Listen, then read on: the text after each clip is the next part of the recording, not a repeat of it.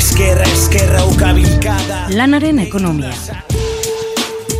Kutsadura informatiboari aurre eginez, ekonomia gaiak jorratzen eta ulertarazten duen saioa. Bilbo iria irratia, hor dago eta argia, elkarlanean. Lanaren munduko analizia. Lagunak egan, ametsak egan, izkinan bertan, usta bildu, eta berriz bueltan. Denbora gelditzea bagenu don't stop. Arratzaldeon, hemen gara berriz lanaren ekonomia irratzaioan. Ga, gaurkoa da gure bigarren saioa, bosgarren ediziokoa. Eta, bueno, esan behar dugu lanaren ekonomia irratzaioa Bilbo argia eta hor dagoren elkarlanaren emaitza dela. Hori dela eta Bilbo irian entzuteaz gain, arrosasareko beste hainbat irratetan ere entzun gaitzakezue, baita ere hor dagoko eta argiako webunean irakur ditzakezue irratzoi honetan azaldutako artikuluak, Eta bueno, aurten ere sindikala agenda izango dugu ekietze barriaren eskutik. Sindikatu eta herri mugimenduen urrengo amabostegunetako deialdi, deialdiak zabaltzen ditugu. Horrez gainere, eskertzen dugu, e, entzuleon de, deiak, audioak eta bar. Eta, bueno, hain zuzen ere, zuen dei eta audioen zain gagoz, eta animaz daiteztete bai. Bueno, sindikala agendaren ostean elkarrezketen tartea izango dugu. Lehenengo elkarrezketa, Jon Bernard Zubirik egingo dio Jon la, Laserasi lanbide arteko gutxieneko soldatari buruz. Ondoren ekitze barriak neu elkarrizketatuko nau batziergoko ekonomia eskuliburu, eskuliburuaren txosten kritikoari buruz. Eta maitzeko argiako tartean Inot González de Mataukorekin izango dugu bentaberri etxe bizitzen kasuari buruz. Amodi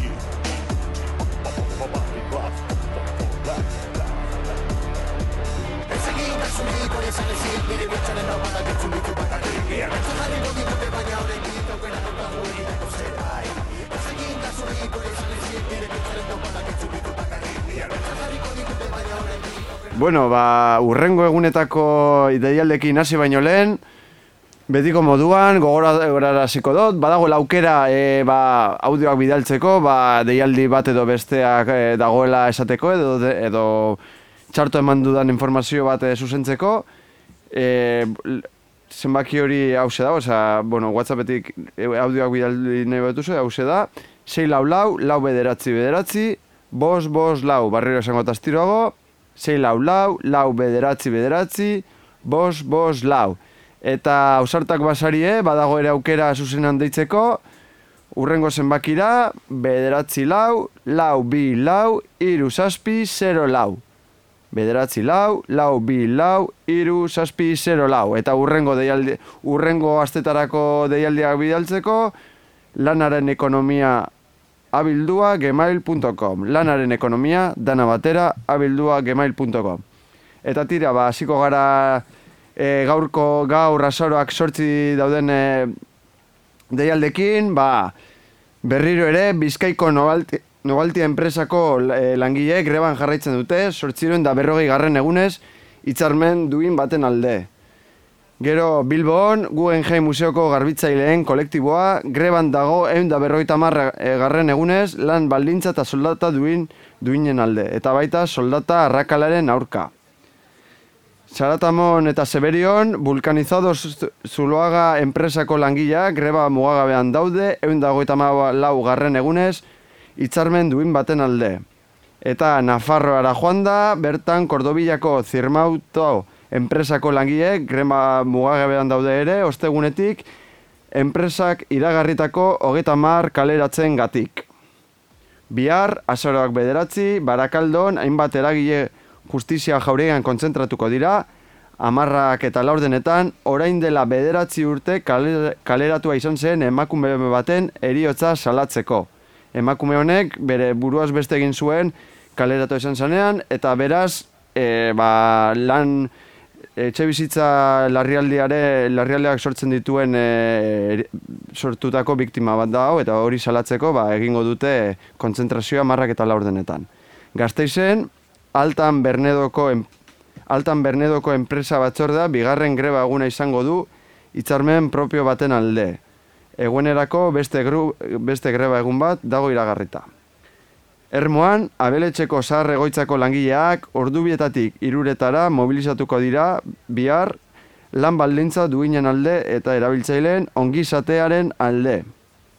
Bihar, be, bihar berriro, e, Euskor Jaurlaritzak ambulantzia zerbitzuan e, Pargatu, Eusko Jaurlaritzak ambulantzia zerbitzua berrez hartzeko eta langileak berri sonartzeko amabietan Donostia Hospitalean kontzentrazioa egongo da. Gero, Deustuko Unibertsitateko garbitzaileak grebasiko dute bihar eta greban egongo dira ostirale arte. Egoaztenean, etzi, azaroak amar, Bilboko miserikordia zahar egoitzan langile baten kaleratzea salatzeko manifestazio egingo dute langileek goizeko saspiterdietan San Mamesetik Jesusen bihotzera. Eta Nafarroan, eta zu bintzako langileek kontzentrazio egingo dute amarrak eta laurdenetan tafaian hitzarmen duin baten alde. Bizkaira bueltauta, UBTC UBRko langileek astebeteko greba hasiko dute, abustutik, langile batzuk abustutik nominarik kobratu ez dutelako, eta gertatu diren hainbat kaleratze indiskriminatuen gatik.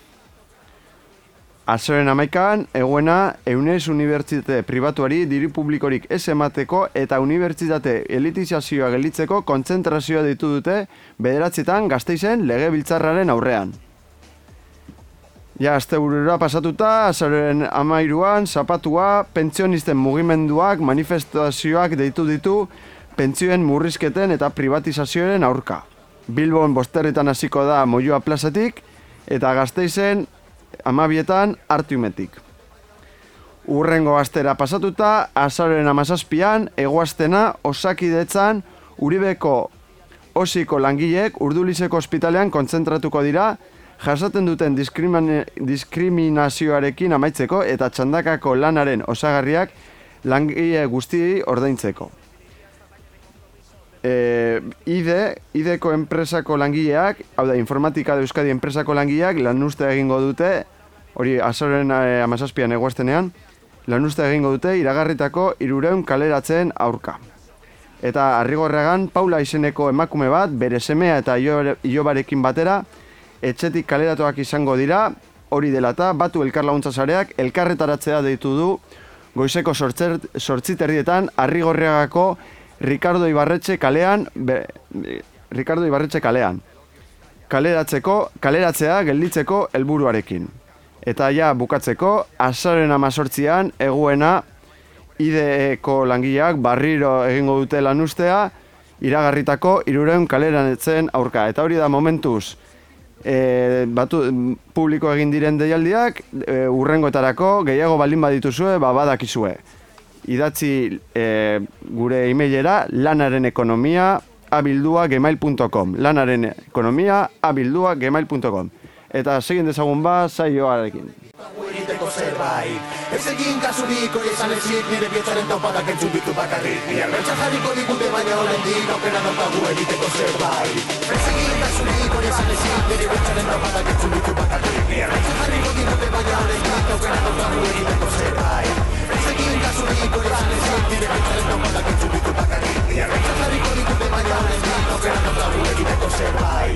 Bueno, bueno, bueno, hemen beti euntagoita bat kriu gure sintoniarekin beti gure ondo aldanaen ekonomian. E, bueno, e, gaur e, pizka bat, e, e, oendela aste batzuk e, ba, pilpilean egondan e, gai bateren inguruan e, izango da, gure gaurko elkarrizketa.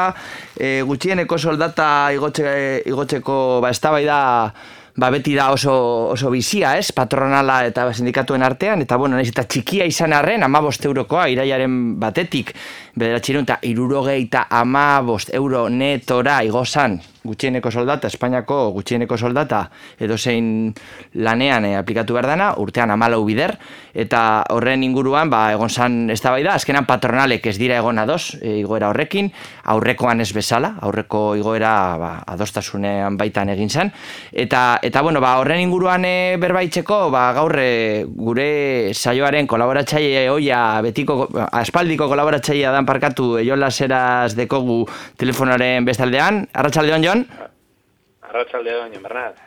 Bueno, Jon Laseras, bera da Manchester, Manchesterreko Unibertsitateko e, ba, zintza politikoan doktorea, eta bueno, ekonomian, e, ekonomia eta enpresa fakultadeko irakaslea, elkanon, e, bueno, balan harremanak eta nazioarteko ekonomia politikoaren inguruko ba, ikerketa anitzak e, eta, eta mordo bat egin dituzu Jon azken urteetan, baina gaur, ba, bueno, azken e, ez da bai da kojuntural honetan sortu dan e, ba, gutxieneko soldate gotxaren inguruan, ba, e, idatxe gendun artikulo bat, ba, pizka bat, sakontasun teorikoa emoteko ba, ba gaiari, ez? Ba, sarritan entzuten dugu, ez? E, gutxieneko soldata igotzeko danean, ba, patronalaren txat, edo, bueno, hegemonikoak diren patroien elkarteen txat, ba, emoten da mundua bukatuko dela, eta, bueno, ba, lanaren zuntxik eta ekarriko duela gutxieneko soldataren igoera. Alan da, hau, Jon? Bueno, a ber, e, patronalak e, ala nola bere interesak defendatuko ditu beti, ez? Eta lan merkatuan, ba, bueno, bere interesak zeintzut dira, harik eta merken e, ba, lan indarra erostea, ez? Orduan, ba, bueno, e, lan merkea, lan, lan indarrak, e, haien eskuan duten e, pertsonek, ba, e, garestiago salduko dute eta hauek langileak dira, ez? hortan orduan ba, beti dago katazka. E, normala orduan da, ba, patronak bere interesak defendatzeko, ba, olako diskurtsoa zabaltzea. Batez ere, zer esaten da, eta pixkat te, teoria neoklasikoan e, fundamentatuta, eta gure herriko estatuko eta munduko ia ekonomiako fakultate gehienetan zabaltzen den mesua zein da, ba, bueno, merkatuari utzi behar zaiola funtzionatzen, ez? Eta ez badiogu funtzionatzen usten, normalean, ba, desorekak e, agertuko direla.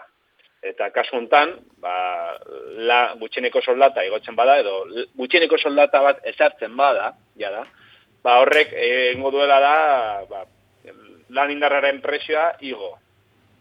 Eta, claro, ba, egon dongo dira enpresa batzuek ez direlako, ez direla gai izango, e, soldata hortan, e, bueno, maia hortan, ba, lan indarra erosi, orduan, ba, gehiagiko eskaintza egongo dela, ez? Eta hor dago merkatoren desoreka.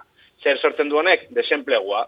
Bueno, badago jendea gai, edo, bueno, solda, e, saldu nahi duena haien haien lan indarra ba, presio batean, baina bestek ez dute erosiko. Orduan, egin behar duguna da, merkatuei askatasuna eman, haien kabuz presioa sartzeko baina honek ez du txirotasunik edo ez da duintasunarik ba, edo nola hartzen, ez? Ez dute lekurik analizi hontan, analizi olako simplista eta estatiko batean, ba, bueno, bakoitzak salduko du bere burua nahi duen presiotan. Eta iru euro bada lan egunaren balioa, ba, iru eurotan izango da. Eta eun eurotan bada, ba, eun eurotan. Baina utzi, ez egun, merkatuari usten. Claro, gutxinengo soldata bat egiten duena da, hortik bera ezin dela e, lan indarra erosi, eta beraz, ba, tirabirak sortzen ditu. Claro, eh, ondorio, ondorio anitzak daude gutxieneko soldata hori esartzearen, zuk dinosun moduan, ekonomilari neoliberal edo neoklasiko entzako, ba hori eitzen dugu langile pobre batzuk kontratatu ez izana, ez? Eta hor, ba, langile pobrerik kontratatu tuak ez diren einean, ba, txarragoa da, segeratzen dira ba, lanbarik, e, hori adibidez e, aurreko igoera haundi hartan, egon zanan zensura mozioaren ostean, igozan euneko hogeita biko igoera hartan, e, zazpireun eta berrogeita marretik bederatxe euneko igoera hartan, inkluso segurantza sozialako ministro sozialistak esan zuen, etxeko garbitzaile eta etxeko lanak eitzen da bien emakume ba, prekario horiek, ba, zazpireun mila kontratatuak izan ez zirela, igoera horren ondorioz, ez? Baina, klaro, ekonomia ikuspegi kritiko edo, edo realistago batetik joan, e, badauela beste ondorio batzuk, aparte, e, oreka, merkatu orekaren desoreka hori sortzearena, eta adibidez bat, eta lehen, bueno, gehien aipatzen dana, eta zuke beti esaten dozuna joan, e, langileare, langileriaren gutxieneko soldata egotzea, kapitala disiplinatzeko neurri bat da eta eredua ekonomia, eredu ekonomikoa bera baldintzatzen dugu, ezta?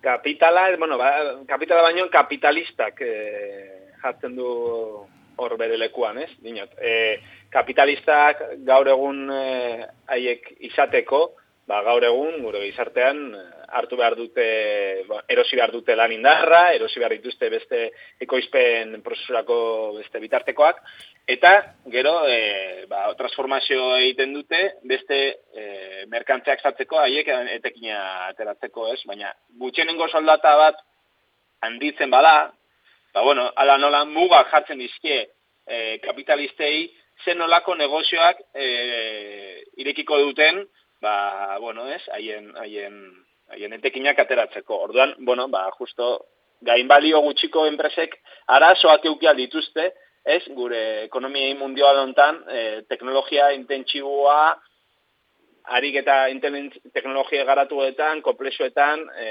e, bueno, garatzen den ekonomia hontan, ez? Orduan, claro, ba, soldata basoak mantentzea, bueno, albietzen du, olako adibidez, e, bueno, enpresariei, ba, bueno, bere, haien negozio modeloak, e, bueno, berpi, e, e, zera, ez? Funtzionatzen jarraitza, bai irauteko. Funtzionatzeko jarraitzeko.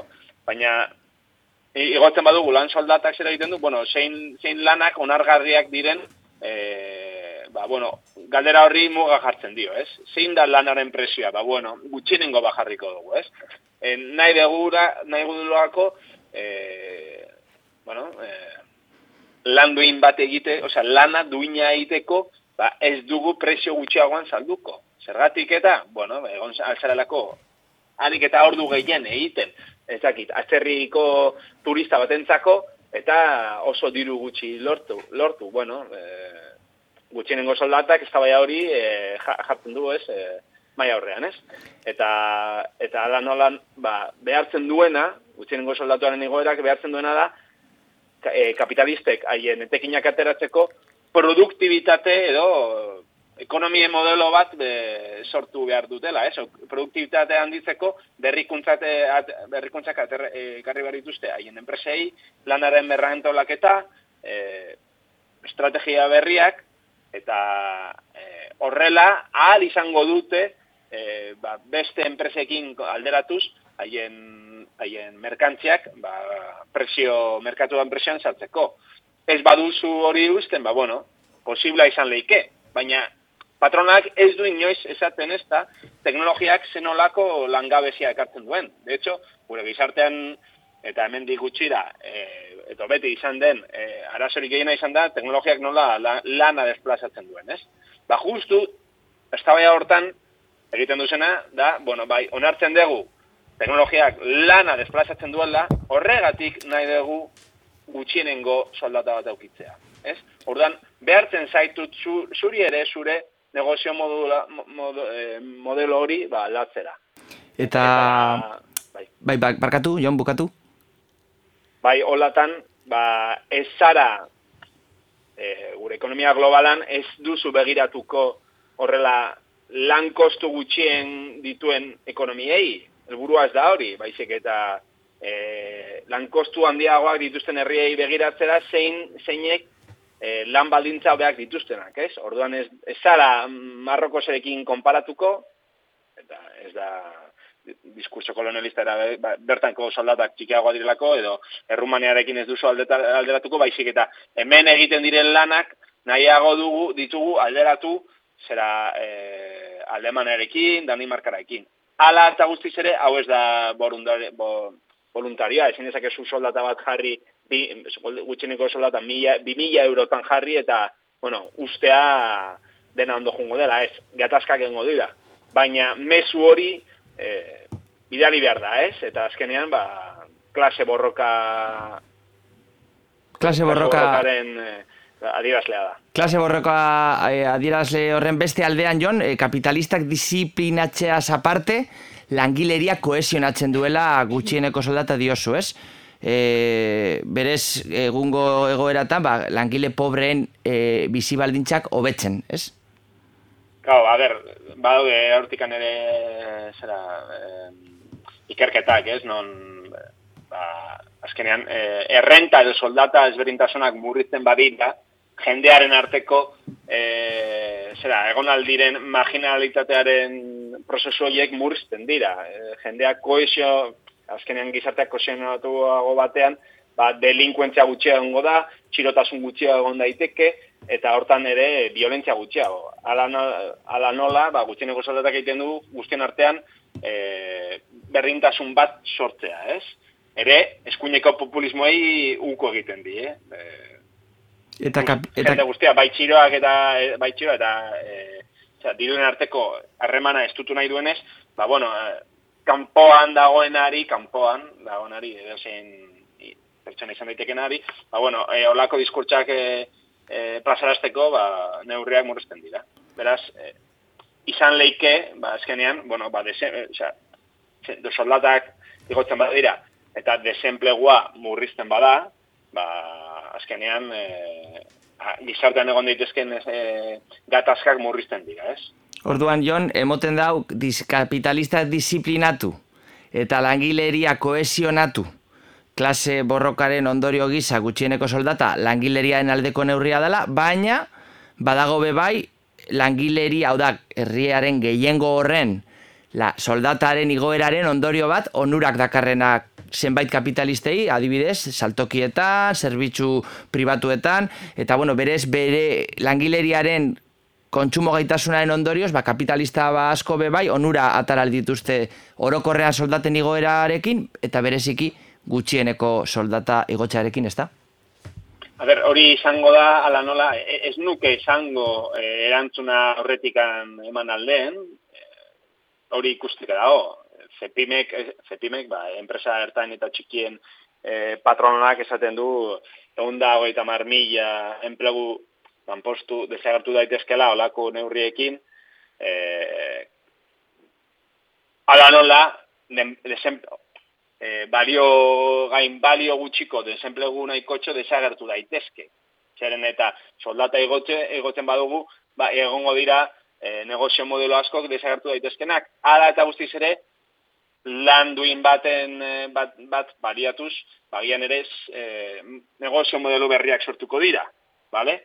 Beraz, bueno, zen olako eragina izango duen enpresa txikietan, hori ikusteke dago ala eta guztiz ere, esaten, eh, ikerketa batzuk izaten dutena da, e, soldaten pisua, e, azkenengo berrogei, berrogei tamar urtetan, jeitz izan dela e, gure ekonomia occidental guztientan, eta badaude olako ikerketak, ba, Paloma Villanueva egindakoa, Luis Cárdenas, e, bueno, Madrileko ekonomilari batzuk egin dituztenak, eta hauek izaten dute, ba, bueno, e, soldaten pisua egoko baditu gure ekonomian, e, azkenean, ba, egongo zen olako demanda efektua eta gure ekonomia ba, pizkat, e, gehiago hasiko zen.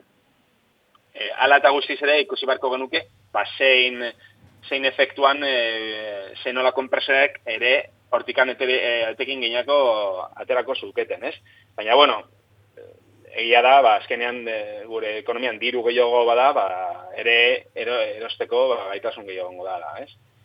Eta Jon, eta bukatzeko, e, hor dagorako egin genuen artikuloa prestatzen gen bilenean, zu asko insistitzen zenu zenidan gauza bat, zala gutxieneko soldata bera bakarrik, neurri isolatu moduan, ez dala nahikoa, e, ondorio egokiak topatzeko, ez? Berez, beste eraldaketa zerako programa sakon batekin edo bategaz, etorri behar dela gutxieneko soldataren igoera, zeintzuk dira lehentasunezko neurri horiek? Ba, lehenik eta behin legedia aplikatzea.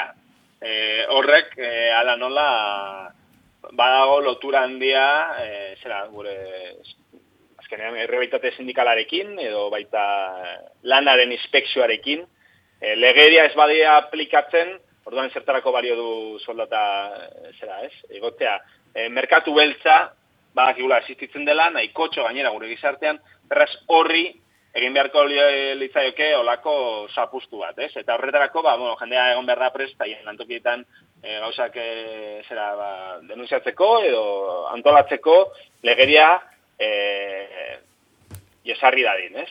Hor- Horta, bat, eta ezinbestekoa dena, e, inspekzio laborala izan behar behar da, estatua edo sindikatuak hori egin behar badute, ba, bueno, prozesua izango da. Baina bestaldi, ba, bueno, e, zerbitzu publikoak ez badira bermatzen edo ez da hobetzen, ba, bueno, lan gutxienengo soldata igo daiteke edo guztion soldata igo daiteke, baina gero, ba, zerbitzu publikoiek, ez badira ondo defendatzen politika fiskal batekin, bazkenean, bueno, ba, kentzen dizuten leku batetik beste leku batera joango da, ez? E, zerbitzu pribatuak ordaintzen. Beraz, hori ere nahiko garrantzitsua da. E, gutxieneko bizimodua defendatzeko. Baita ere izango nuke inbertsioak, ez? Osea, justu esan dugu nola kapitala disiplinatu dezaken e, gutxienengo soldata hontan, baina estatuak ere hortan, ba, eskuartzea hartu beharko luke zein ekonomi modelo, zein nola konbertsioak e, sustatu beharko ziren, ez? E, hortan egon behar da, eztabaida hortan. Eta, eta bueno, hortan ni, bueno, azkenean e, nahiko tirobe izartzen dituena, baina ere esango nuke zein esparrutan, zein e, geografi esparru, esparruan e, s- aplikatzen den olako neurria. Niretzako, ba, e, gure lan merkatua ala nola Europarra da, Beraz, e, olako politikak, e, ba, bueno, Europar mailan sart, e, sartu behar ziren. Eta badaude, e, Alemaniatik e, eta Europa kontinentaletik hainbat e, iker, ikertzaia, adibidez, e, Thorsten Schulten, eta hainbat Alemaniar ba, ba, saiatzen ari direnak e, gutxienengo soldata e, Europa mailan esartzea, ez? Bestela egon, egon alzen e, herrien arteko danpina, e, presio jeitsiera, eta eta hori ez dugu nahi, ez? Orduan, ba bueno, badaudenez Europar mailan instituzio batzuk, zeintzuk, ba bueno, gutxienengo lerro batzuk esan aldi jarri aldituzten gure ekonomientzat, ba uste dut horra ere joko beharko genukeela. Esker mile, jo Laseras, Manchester, Manchester Unibertsitateko Zientza Politikoan doktorea eta Euskal Herriko Unibertsitateko eh, Ekonomia Industrialeko irakaslea. Eskerrik asko beste behin ere lanaren ekonomia saioarekin bat egitearren. Eskerrik asko zuei. Bai. Hemen bakarrik defendatzen dugu gure langile klasea eskeraleak Independentzia eta kalea lortuko ditugu gure ametsak.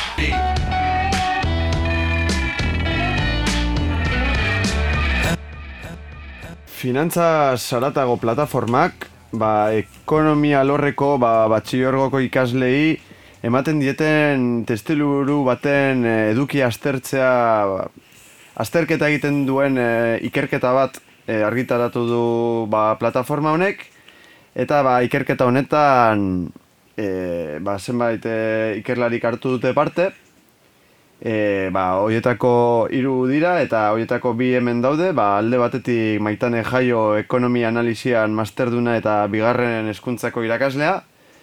Gero baita Jon Bernat Zubiri ekonomian doktoreak Grenoble Alpes Unibertsitatean eta irakasle ikertzailea UPVH-un. Eta gero baita ere Javier Murillo ekonomian doktorea eta Universidad Complutense de, Complutense de Madriden e, ba, irakaslea. E, bueno, hemen e, e, maitan edukagu e, azaltzeko apur bat zertan datzan. Aurreko saioan e, hasi ginen apur bat e, nondik norakoa az, e, nondik, ikerketa honen nondik nora, norakoen inguruan berbaz eta testu inguruan inguruan eta gaur gehiago edukietan sakonduko dugu. E, bueno, apur bat e, ikerketa honen e, deskribapen orokor bat e, izan da izuen, ba, ja- jakin duzuen, ba, ikerketa honen bidez, kritika eta anistasun e, elementuak es, eskaini nahi izan dituztela ekonomiako irakasleek, ikerke, e, irakasleek, ba, haie, lortutako emaitzak erabil ditzaten haien e, lan pedagogikoan eta ere importantea da e, kontuan hartzea ikerketa hau ez dela bere horretan amaitzen eta dela ba, ambizio handiogoko proiektu baten e, lehen pausua, ez? E, Hor- Hori dela eta, ba, bueno, e, badute asmoa, ba, test, honen inguruko edo ekonomia kritikoaren inguruko ba, testu liburu gehiago az- e, az- ekonomiari buruzko testu libu- liburu gehiago aztertzea e, ikuspegi kritikoago batetik eta ba, horrekin ba, material alternatiboa sortzea albidetu eta hori.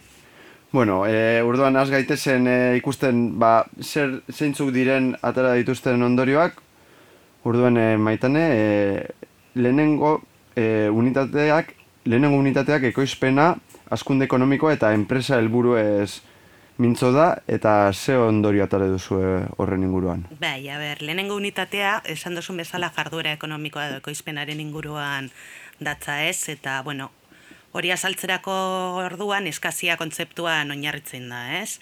E, alde, bater, alde batetik eta bestera eskaziaren inguruan jarduten da, ba, bueno, esan ez azkenean baliabide ekonomikoak e, mugatuak direla, eta aldiz pertsonen, bueno, desirak, ba, ondasunak eta zerbitzuak izatekoak e, mugagabeak direlez, ba, bueno, ba, eskazia bat ematen dela azkenean ekonomian ba, maila guztietan. Eta, bueno, hau azkenean, ba, bueno, apur bat ez edagarria diritzogu, eta, bueno, uste dugu, ba, individualismo metodologiko baten ikuspegitik egin dela analizia, bai. Gero, bigarren gai, hemen bai sartzen dela askunde ekonomikoari buruz hitz egiten, eta hemen ere, ba, bueno, momentu batean bez ez da plantatzen, ez, askunde ekonomiko mugagabea, ea desiragarria dan edo ez, ez? Ez da osnartu ere egiten, bueno, salbu momentu batean bai osnartzen duela, testu osagarri batean, baina, bueno, modu anekdotiko batean, ez? Eta orduan bai ikusten dugula, ba hemen, ba, bueno, e, hausnarketa honen falta, kritika honen falta, eta, bueno, esatea azkenik, eta, ba, bueno, azken finean, ba, askunde mugagabea ez datorrela bat, ba, garapen iraunkorrarekin. Gero, hirugarren unitatea ekoizpenarekin jarraitzen du, eta gitzen du enpresaren helburuak. Orduan, e, taula batean zehazten ditu e, testu liburuan, ba, bueno, enpresaren helburu desberdinak, ez? Eta dena jartzen ditu maila berdinean.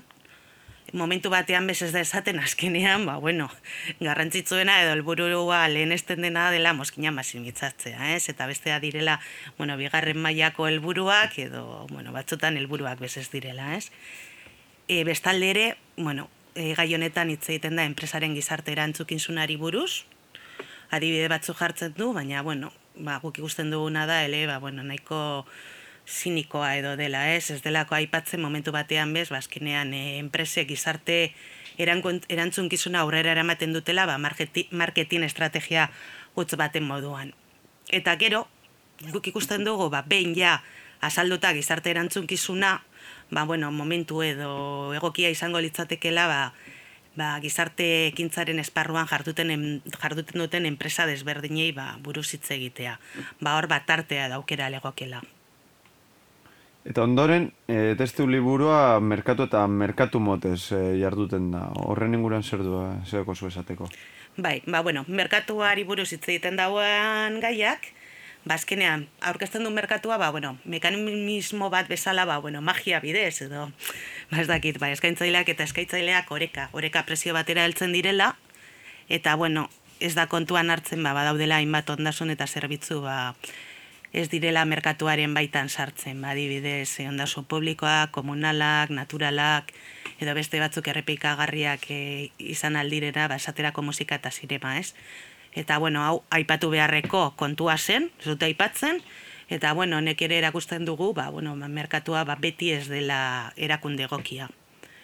Gero, be, urrengo gaian jarraitzen du merkatu motei buruz, horretz eta, ba, bueno, leia perfektua, oligopolioak, monopolioak, eta, bueno, adibidez, leia perfektuaren kasuari dagokionean, ez?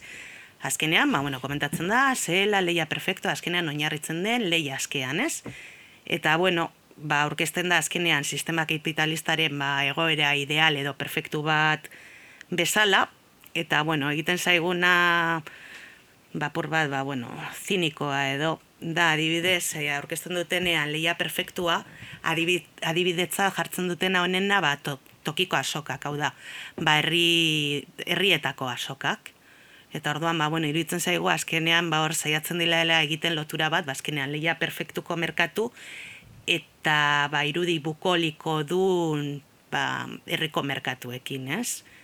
Gero ere, e, leia perfektua edo askea merkatu le, parkatu, leia perfektuko merkatu buruz hitz egiten dutenean, adibidetza jartzen dute uraren merkatua.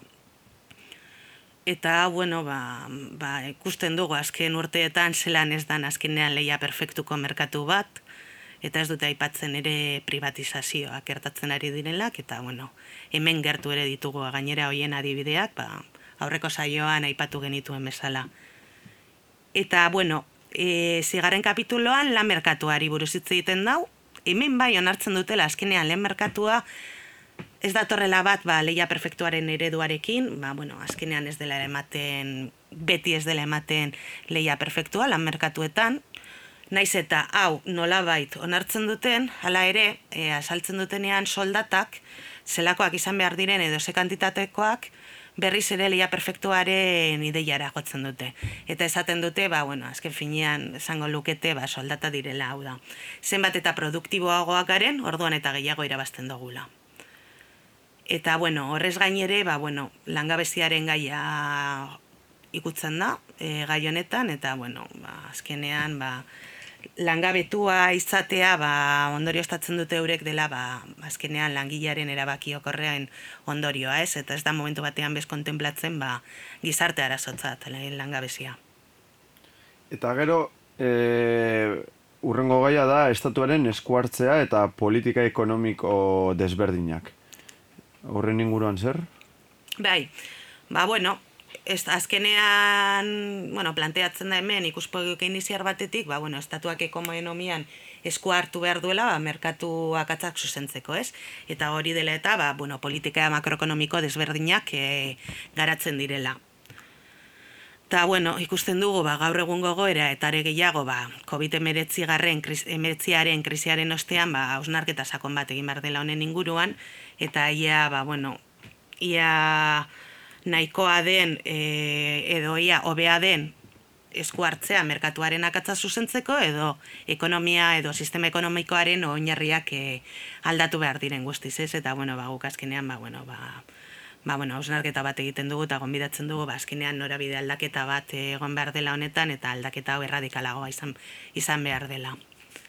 Gero neri lotuta, azkenean estatuaren esku hartzearekin, ba, urrengo gaian, adierazle ekonomikoei buruz hitz egiten da, hemen adierazle nagusitzat barne produktu gordina aurkezten da.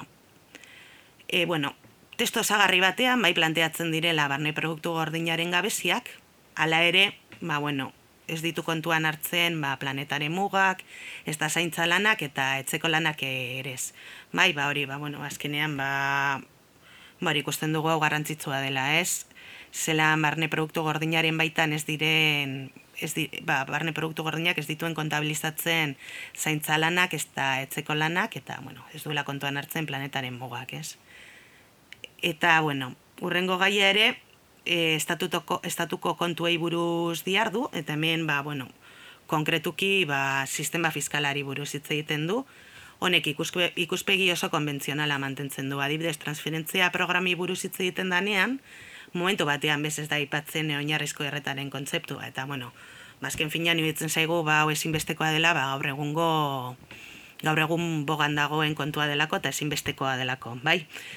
Horrez gain ere, ba, bueno, azken amarkadetan e, gastu beharrak handitu egin dira, eta gehieneko zergatasa txikitu, horren ondorioz, ba, errenta banatzeko almen txikiagoa daukate estatuak, eta hau aipatu ere ez da egiten. Gero, ez da ere aipatzen, ba, azkenean zeharkako zergen bidez, bilketa asko handiagoa lortzen dutela estatuek, e, zuzenen bitartez baino, ez? Eta, bueno, hau ere, ba, azkenean da, ba, bueno, zerga sistema ez progresibo baten e, ondorio edo islada, ez? Eta, bueno, azkenekoz, ba, E, hitz egiten dutenean estatuko kontuen buruz hitz egiten dute ba hitz egit parkatu hitz egiterakoan defizitaz ba ez dute egiten komentario bat bera ere 2008ko krisiaren ondoren ba estatuek e, estatue eskatu zitzaienean austeritatea ba honek guztiak ekarri zituen ondorioak, ez? Ba gizarteare e, gizartearentzako eta bueno, hau ba ikusten dugu ere dela beste akatz eta bueno, ba, ba bueno, kriterio falta, ez?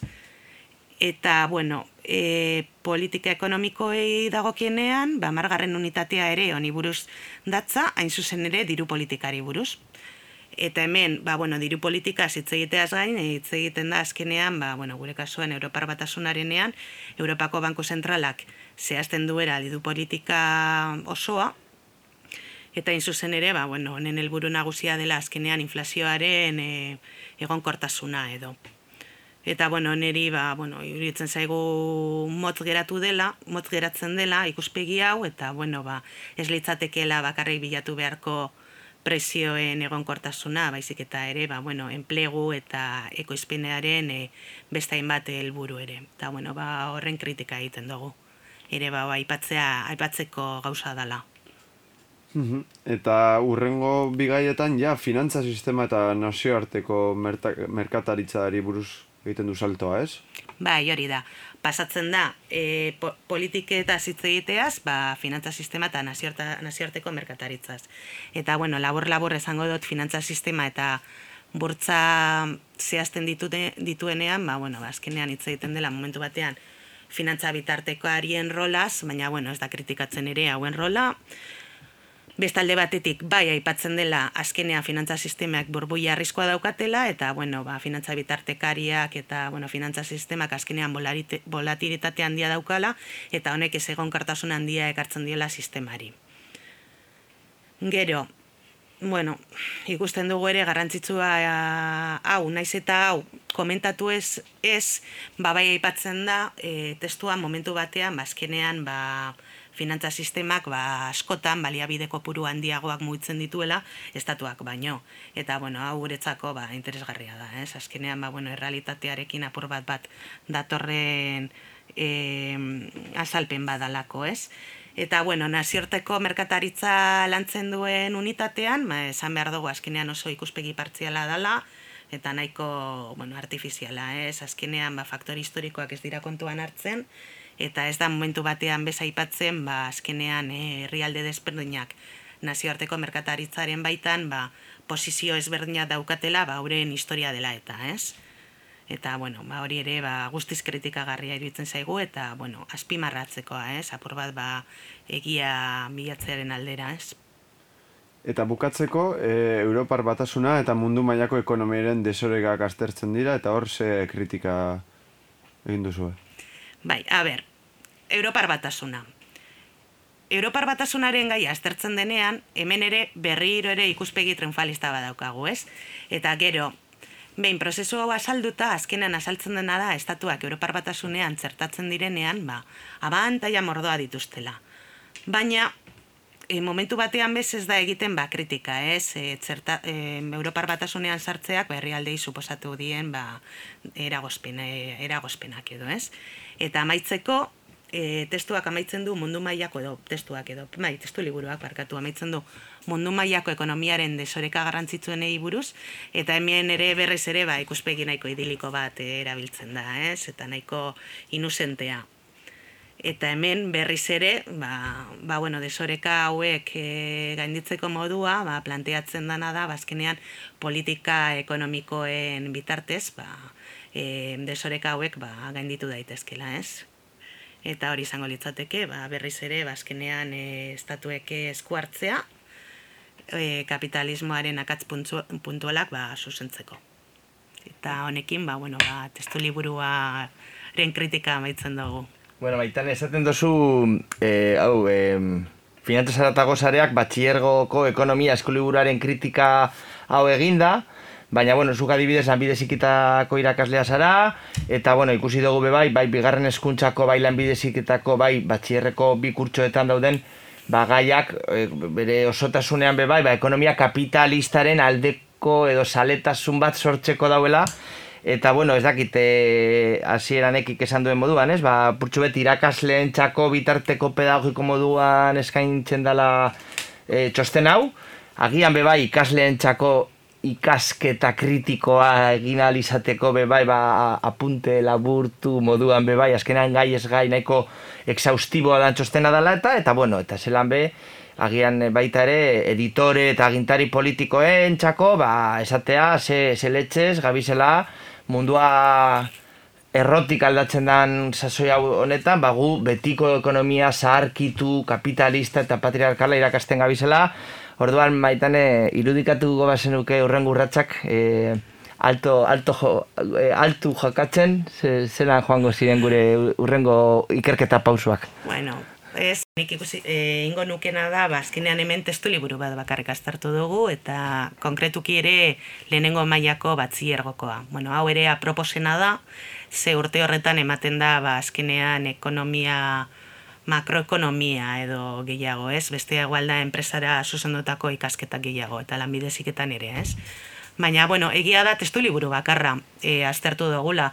Orduan, ba, bueno, gure proposamena edo izango ditzateke testu liburu gehiago e, lantzea, ikustea ondo zer dagoen, eta, bueno, azkenean nik proposatuko nuena da, ba, gai bakoitzean, e, bueno, gai bakoitzean materakoan, ba, gai edo pista txikiak ematea, ba, bueno, e, ba, ekonomia alternatibo berri hone, honekiko, ez? Ba, azkenean, ba, bueno, ba, material berri bat edo ematea.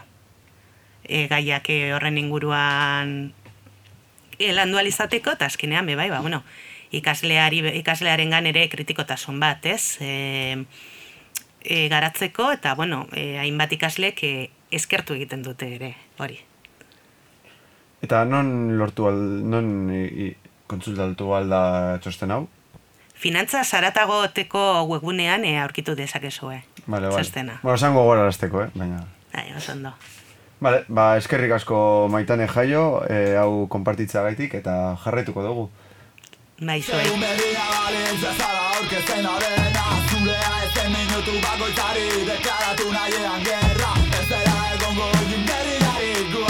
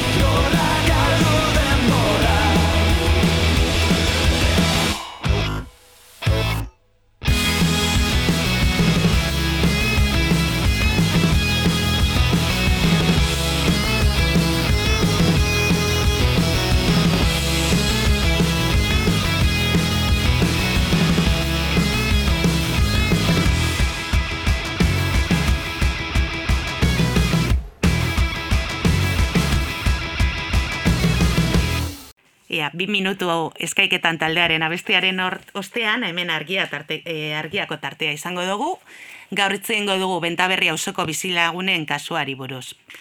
E, Donostia Bentaberri auzoko babes ofizialeko etxe bizitzak enpresa pribatuen esku egon dira eraiki aurretik eta maizterrek haien etxeak erosteko duten ezintasunaren aurrean politikarikek ezin izan dute zer egin eta eskumenak hasieratuik galdu dituzte. Honi buruz hitz egiteko telefonoaren bestaldean daukagu Inaut González de Matauko.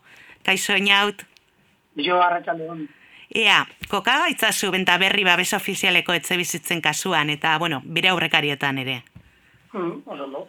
Ba, milatzen da laro eta malagarren urtean, e, EAEko aldizkari ofizialean argitaratzen zituzten, benta berrin, bostun da berrogei, babes ofizialeko etxe bizitzak, eraikitzeko oinarri legalak, eta a, benta berria, antigua auzo ondoan dagoen, auzo txiki bat, e, azpi auzo esan genezakena, eta lehen ba, fabrikak eta ziren, baina e, ba, hori dena urbanizatzeko asmoarekin eta horiek egin zituzten.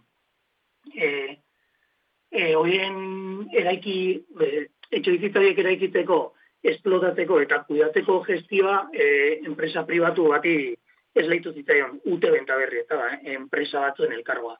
Eta ustiapen hori, e, irueta urterako, ba, hori, e, irueta urterako zen.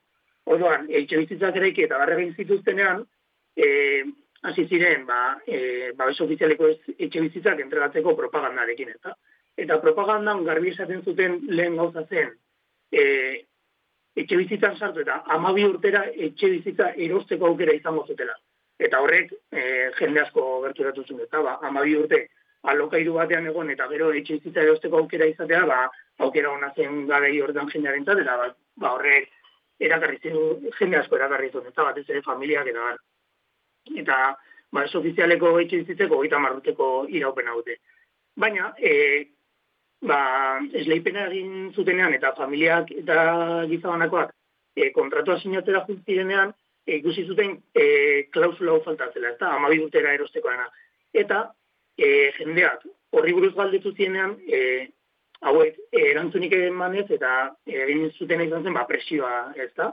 Jendea presionatu zuten sinatzeko. Horrek jende asko atzera bultza, bota zuen, baina beste batzuk ere bultzatu zituen sinatera, ez da? Ba, aukera hau galduko dut eta sinatu harret eta e, ba, hortik aurrera saiatzen ari dira e, horri soluzio bat ematen, baina e, aurkituri, aurkitu direna e, ezin dutela ez egin, eta e, e, ba, esan ez dela, hasiera hasieratik eratu da, e, txilitzauen eraiki, eraikitzeko eta e, kudeatzeko e, eskumena enpresa pribatuen esku, eta e, ba, administrazioa eta e, eskua lotu daude, ezin dute zer egin. Bai, ez eta hori dela eta, ba, bueno, e, bizilagunek elkarte bat sortu dute, ez? E, e, negozia, e, bueno, ba, euren eskubidea defendatzeko eta ba, azkenean ba, bueno, e, gobernuarekin edo udaletzearekin ba, negoziatzeko honen inguruan. Hala da? Elkarte hasiera hasieratik sortu zuten. Osa, ikizituten hasieratik arazoak zeudela eta ba, e, lehenbailen arazoa, arazoa irten bidea aurkitzeko ba, elkartea sortu zuten baina e, orain arte ez dute zer Kontua e, ba, arazo asko izaten dituzte e, bigirak lortzeko, e, ez dituzte interlokutore bezala e, errekonozitzen edo, eta hori dela eta ba, arazo handiak dituzte. E, erresago dute biltzeko donostiako udaleko e, ordezkariekin, horiekin gehiagotan bildu izan dira, baina eske donostiako udalak ezin dut egin, ze ez lehipen hori bere garaian eusko jarraritzak egin Eta hauekin biltzen direnean, ba, niri bizilagunek esan diaten arabera, ba, oso dukatuak, beti zela zagize, baina ezin dutela zerrein. Eta, de hecho, Eusko Jarraritako ez, baina e, e, Donostiako udaleko ordezkari ezberdinek eta arrazoia ematen diete, baina ezin dute zerrein. Eta honek e, okerrera egin zuen 2000 eta garren urtean, eta nire sartu zen Blackstone izeneko funtskutrea, da, enpresa pantalla batekin, testa enpresarekin, a, e, ulte berrirekin fusionatu zen eta hor sartu zen. E, jakin dezazuen, bueno, pixkat, e, testu inguratzeko Blackstone e, funtsputreak e, iriezinetan bakarrik, hau da, pues, egizitzetan, etxe bizitzenetan eta har, e, laureun amaika mila milioi dolarreko balioak ditu eta, ba, igiezinetan. Eta e, EAEko barne produktu horreina bi mila meritze urtean, e, iruita malau mila, moste un milioi eurokatzen gutxi gora bera hor ikusteko e, zein den. Bai, eta bueno, e, eta azkenean, ba, bueno, badakigu zerbait e, ze ondoriotara iritzi diren, edo aukera gehiago badaude negoziatzeko, edo, bueno, beste herrialde batzuetako adibidea jarraituko diren hemen, edo, ia, konta iguzu horri buruz. Ba, alokairuko hori, alokairu deitzen da, bentadariko den elkartea, e, badakite ez zaila dutela zerbait egitea. Ba, 2008 zortzia da e, babes ofiziala maitzen zaien urtea, eta e, bueno, niri komentatu ziaten arabera, ba, koronavirusen gatik eta bar, e, nahiko e, dira lanean asko ibili, baina orain berriro hartzeko asmoa dute, zeren oza, ikusten dute, geroz eta gertuago dago amaiera, eta ez dute zer lortzen, ba, etxea galduko dute. Mm, Bale, ba. Ba, eta bueno, ba, ba daukazu, ba, adibidez, ba, beste adibideren bat, edo honen inguruan pasada gertatu dana, ba, adibidez Europa Bai. mailan edo. Bai, Europa mailan artikuluan aipatzen duten bezala, Berlinen, antzeko kasu bat egon zen. Ez ziren babes ofizialeko etxeak, baina e, Karmal ale izeneko e, iribide ezagunean, bazo den etxe batzuk e, zera, e, beste funts putre batek erosi nahi zituenak. Eta egoera muturrekoa zen momentu horretan, e, ba, Berlineko gobernuak e, etxe bizitza horiek erostea pentsa e, erostea erabaki zuen. Horrek e, azaltzen du, bo, horrek garbi uzten du, e, gestio politikoa nolakoa enan eta hemen, eta ba, han agian esku hartzen maila handiago dela, hemen askoz urriagoen bitartean, eta horiek hori da askotan e, alokairuko bizilagunek duten kexa hori da, batez ere e, instituzio publikoen jarrera ezan, ze beraiek niri garbi utzi ziaten, osea, e, incluso logikoa ikusten dutela, e, enpresa hauek egiten dutena, ze enpresa, enpresa diren moduan, beraien e, nahi bakarra diru irabaztea dela, baina bertxagarriagoa iruditzen zaiena da, e, ba, erakunde publiko ez duten jarrera, ze, ba, hori, postunda berrogei etxe bizitza, geratu daitezke familia guzti horiek kalean. Mhm. Bale, ba, ba, eskerraik asko inaut e, benta berri auzo, e, auzoari buruzko ba, bueno, informazioa ematearen. Ez horretik. Bai, gero arte, horrengo arte.